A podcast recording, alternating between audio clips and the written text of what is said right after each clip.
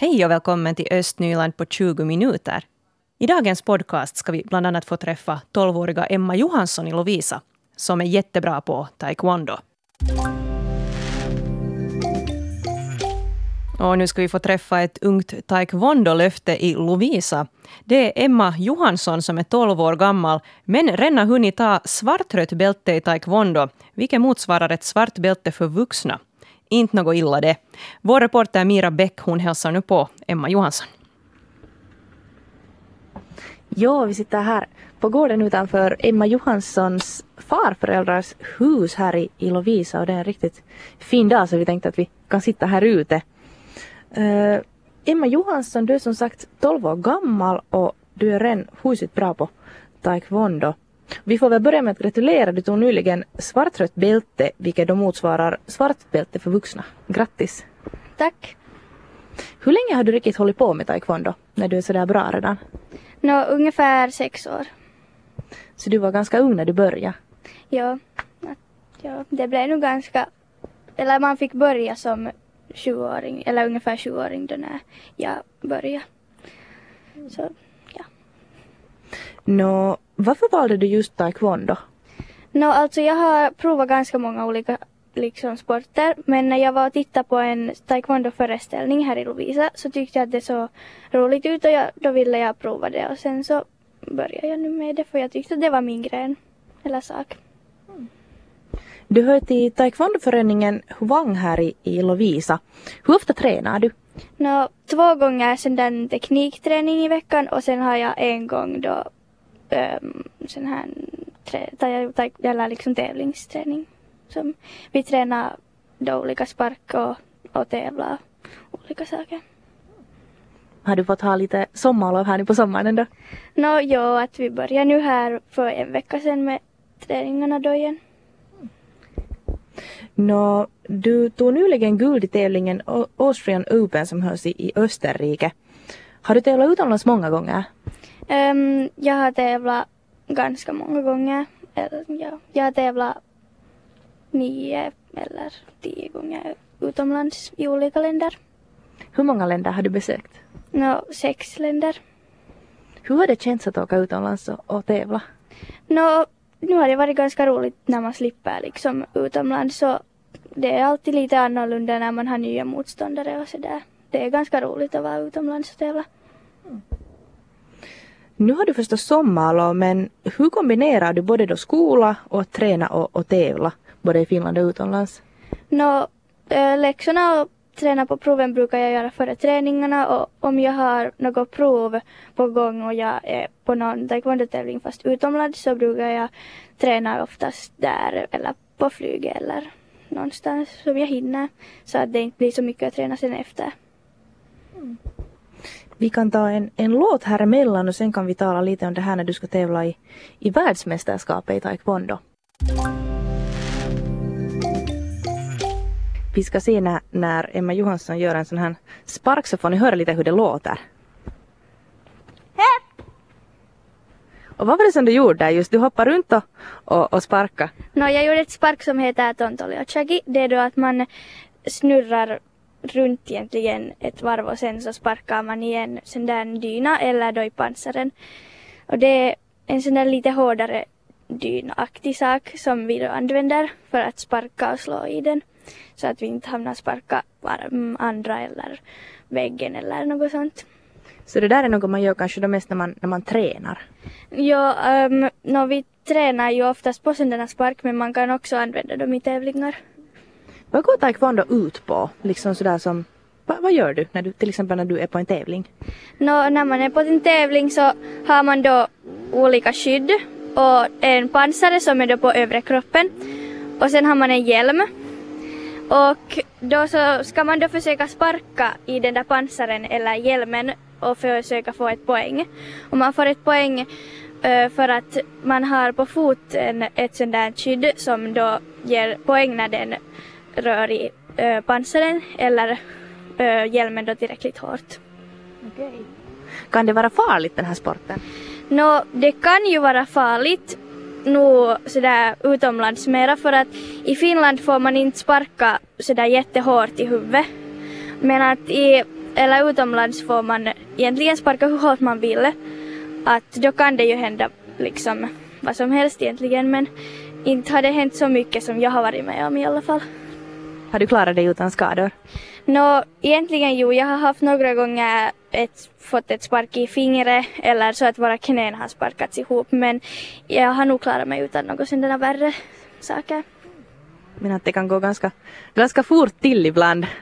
Ja, det kan nog att emellan kanske man inte märker något och sen så kan det ju hända nog men inte händer det nu så mycket nu sådär.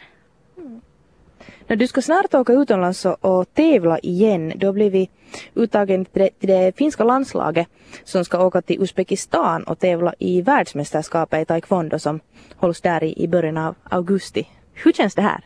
Nå, det känns ju ganska roligt och lite kanske nervöst för att det var ändå inte så många som slapp med att det var fyra från Finland och jag var då en av dem så det är ganska sådär roligt. Det är en ganska stor grej. Ja, det är nog största som jag har varit med om och det kan ju vara det största som jag någonsin har äh, kommer att vara med om men vi får nu se. Hur förbereder du dig inför de här VM-tävlingarna? Nå, jag tränar i föreningen och sen så har vi, kommer vi att ha kanske ett eller två läger ähm, i en annan förening som vi då tränar till eller tränar i. Jag får önska dig lycka till med, med VM-tävlingarna. Tack! Och tack Mira Bäck som alltså där träffade Emma Johansson, 12 år gammal Lovisa-bo som sysslar med taekwondo. Det låter nog jättetufft det där. Vi får hoppas det går bra för Emma här framöver i tävlingar.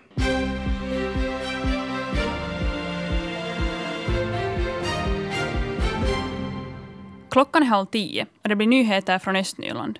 Jag heter Victoria Rikonen. God måndagsmorgon. Det finns misstankar om att det förekommer sjöskabb i Molnträsket i Sibbo. En person tog kontakt med miljöhälsovården med misstankar om sjöskabb.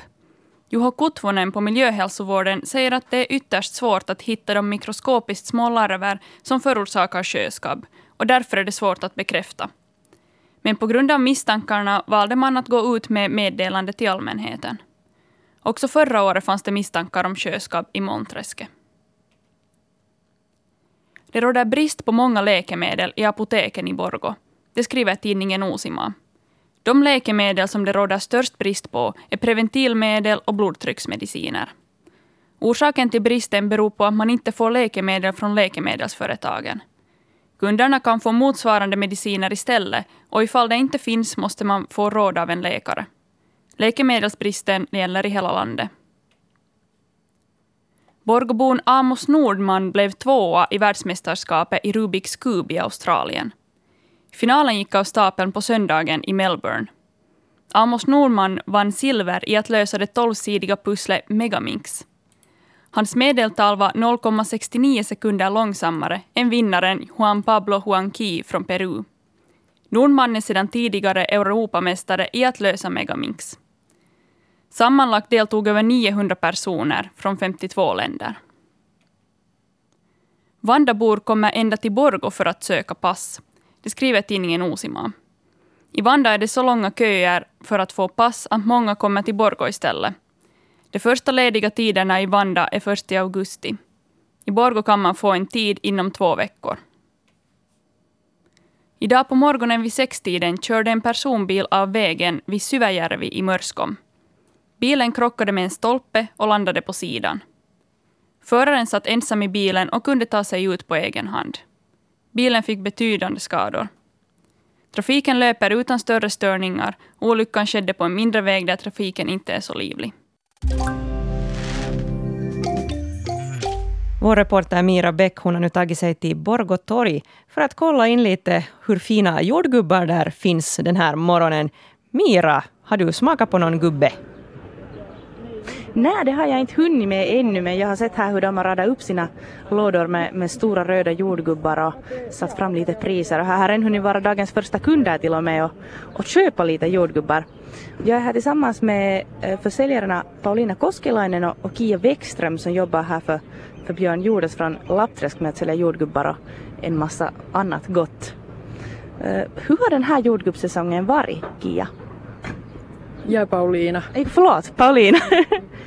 Den har nog varit helt bra. Att här i ett skede så såg det ut att jordgubbssäsongen skulle bli jättekort och att de höll på att ta slut. Men nu håller den ännu, det varar nog några veckor ännu kvar. Så man hinner ännu komma efter inhemska jordgubbar? Jo, det hinner man nog ännu några veckor. Och sen efter två, tre veckor så börjar de där frigojordgubbarna sen komma. Så det är den där höstkörden som kommer sen. Att det finns nog en jordgubbar hela, hela juli i alla fall, ända till augusti. Yes. Nå, vilka utmaningar har funnits den här säsongen? Vad säger Kia? Um, mest det är att bara hitta rätta jobbare som passar till det här jobbet. Och, och som kan jobba mycket. Problemet är att många vill bara jobba sen några dagar i veckan om vi skulle behöva sådana som kan jobba liksom sex dagar i veckan helst. och så här. Nå, om ni jämför med tidigare somrar, finns det något annat som har varit speciellt just för i år? I år så när det har varit lite kallare så har det inte kommit så mycket hallon som till exempel förra året så var det så varmt att det kom jättemycket hallon och sen var priserna ganska låga för dem. Och jordgubbarna har hållits mycket bättre liksom kvaliteten, att de har varit mycket fastare nu den här sommaren. Och sen, det har inte funnits uh, ohyra i ärtorna i sommar, jag, inte i alla fall ännu, att inte någon maskar eller några insekter. Så. Och våra bara de här lappträskärtorna har varit jätte, jättegoda i år. Att det är många som kommer och köper mera när de har på morgonen köpt ärtor så kommer de på eftermiddagen och köper mera för de har varit så goda. Så det är något jag kommer att smaka.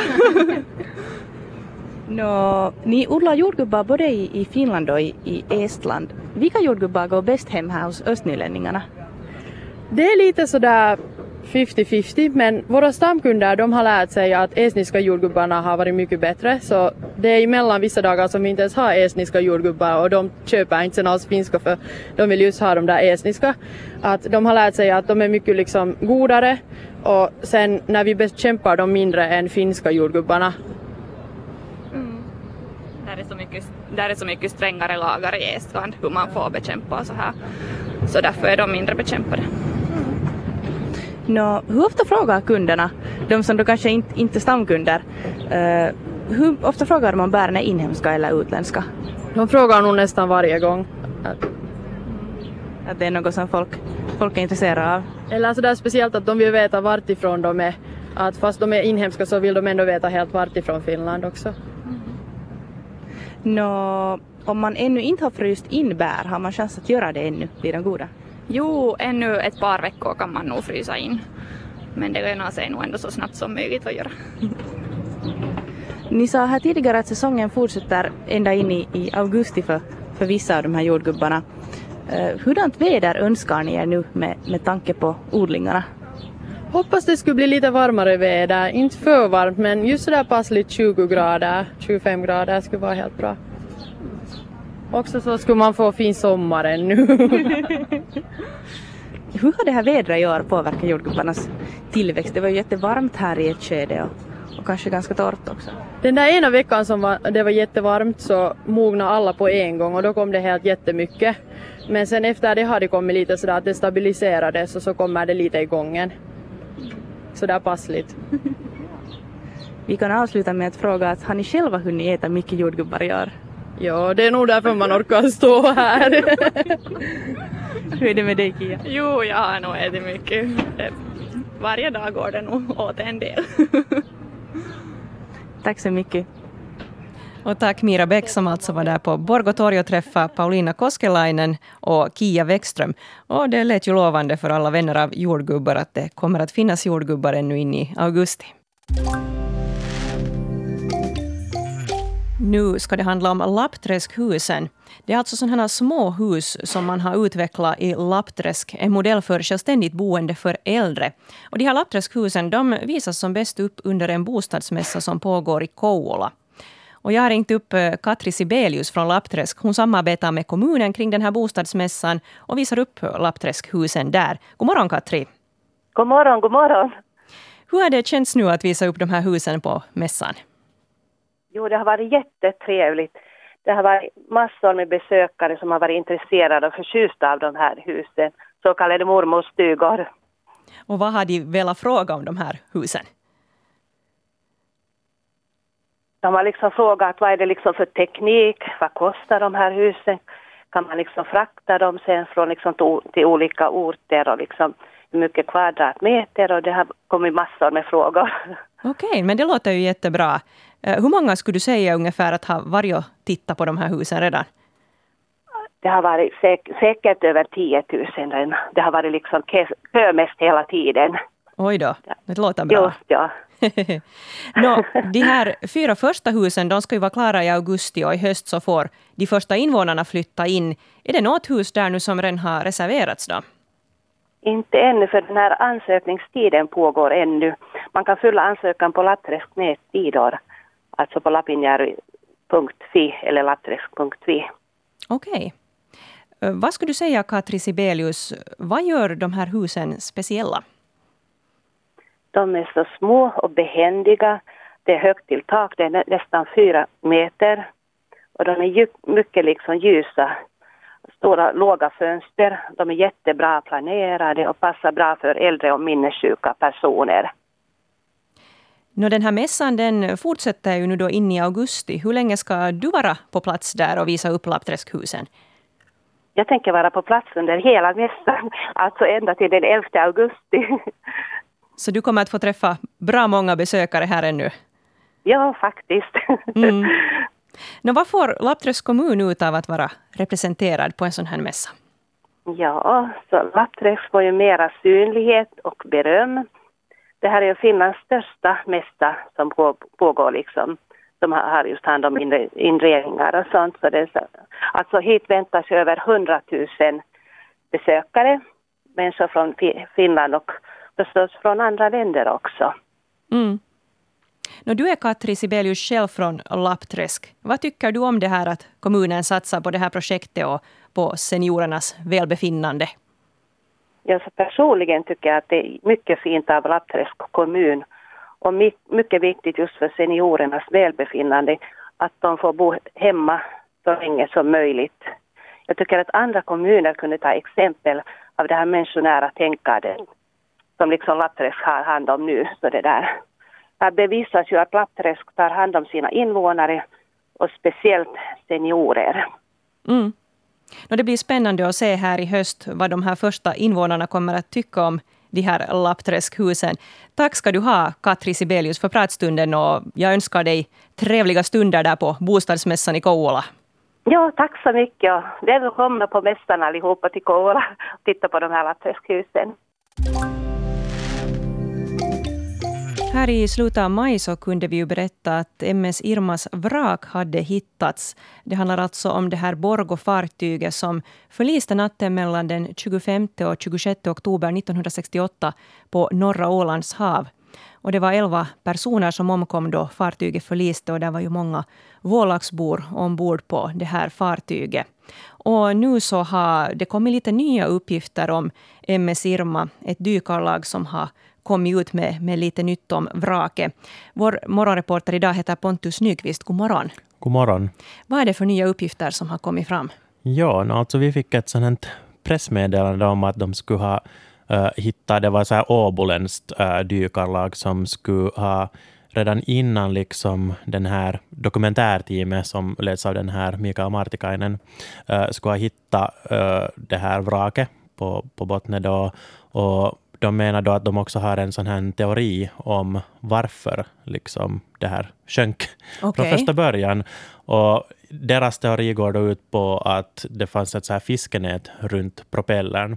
Och det här skulle då ha gjort att uh, det här fartyget liksom blev långsammare, det blev svårare att navigera och sen var det en storm som då skulle ha till slut uh, sjunkit det här, det här fartyget. Och, men det finns lite så här nu olika då åsikter eller delade meningar kring att vad som nu har hänt. För vi var också i kontakt sen med uh, Thomas Gustafsson som var med och, och, och hittade då vraket. Då tillsammans med, Martikainens tillsammans team. med Martikainens team, exakt. Och han menar då att, att visst, det, det fanns uh, ett fiskenät runt propellern och det, det, är också synligt på en bild uh, som de har tagit. Um, men att det här, han menar då att det här inte är orsaken till att fartyget sjönk, utan de har då en egen teori om att uh, det sjönk på grund av så här tekniska, tekniska problem som, som då skulle ha gjort att, att uh, det här Irma blev vattenfylld och att det på grund av det här då skulle ha sjunkit sen. Så lite så här olika, olika meningar och det här är det, det vi ungefär vet just nu. Tack så mycket för sällskapet. Jag heter Katarina Lind. Östnyland på 20 minuter är en Svenska Yle podcast. Det finns flera poddar på arenan.